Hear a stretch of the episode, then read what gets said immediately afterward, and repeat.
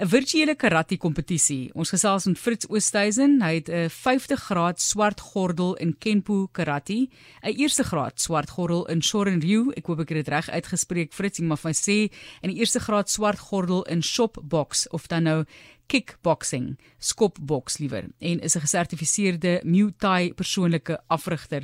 Het ek al daai uitsprake nou reg of, of is iets wat jy wil regstel? Nee, ehm um, goeiemiddag. Nee, dit is alles te goed uitgespreek.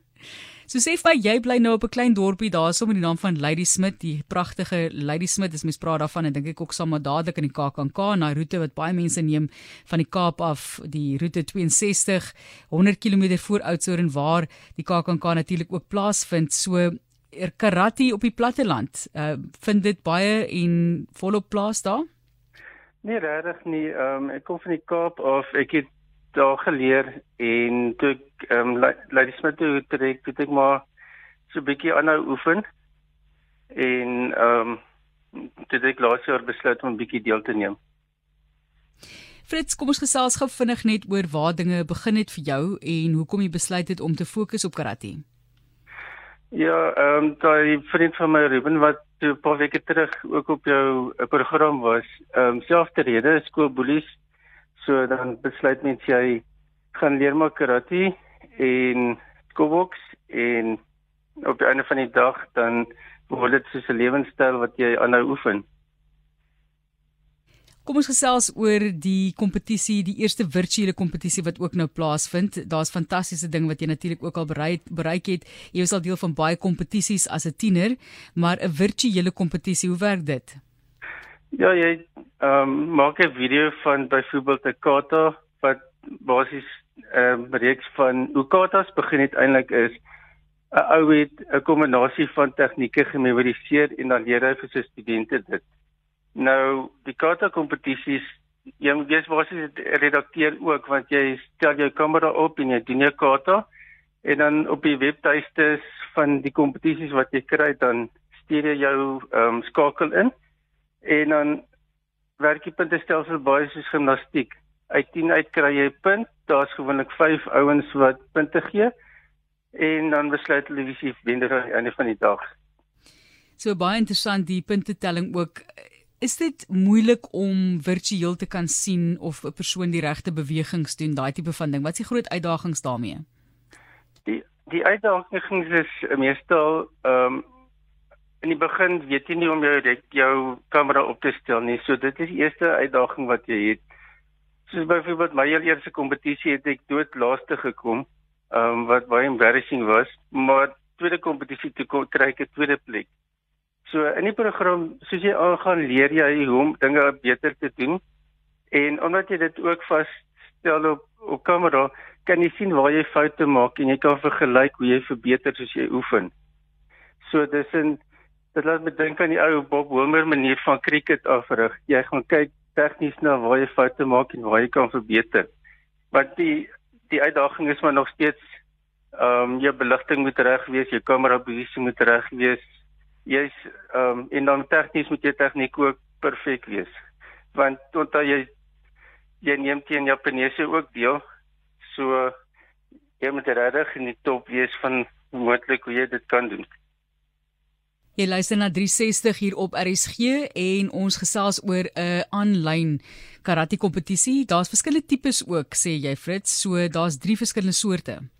Dis reg. Ehm um, die eerste soort wat jy kry is wat hulle in die Ventex kampioenskap wat hulle noem ehm um, Karate Athlete kampioenskap. Dis twee afdelings wat jy kan deelneem en dan is dit volgens die gordelgraad wat jy het en ook volgens jou ouderdom wat jy deelneem.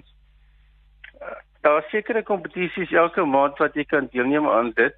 Ehm um, dit beteken nie noodwendig as jy sê maar twee gewen het, jy gaan die meeste punte deelneem nie want daar's 'n ander wat byvoorbeeld aan vier deelneem en aan die einde van die jaar is sy punte meer.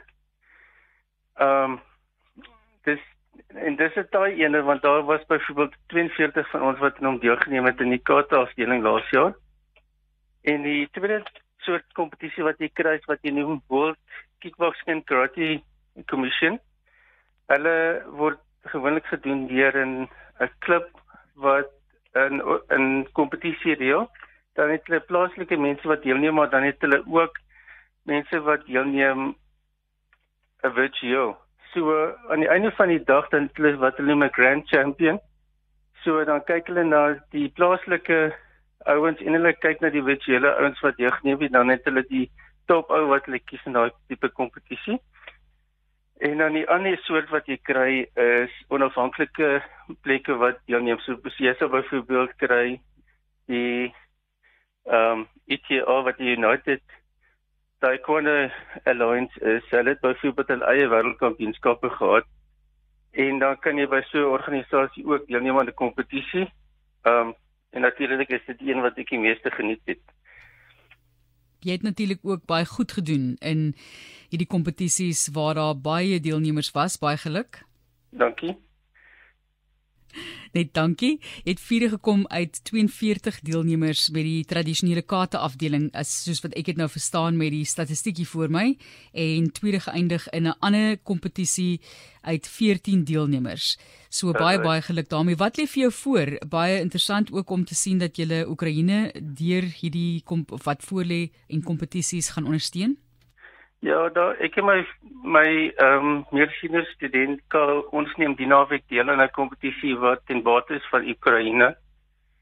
En ja, dit is jy kan begin by 10 dollar donasie gee wanneer jy aansluit en enige iemand kan basies deelneem wat enige marsiale ondervinding het want ons doen dit vir 'n goeie doel.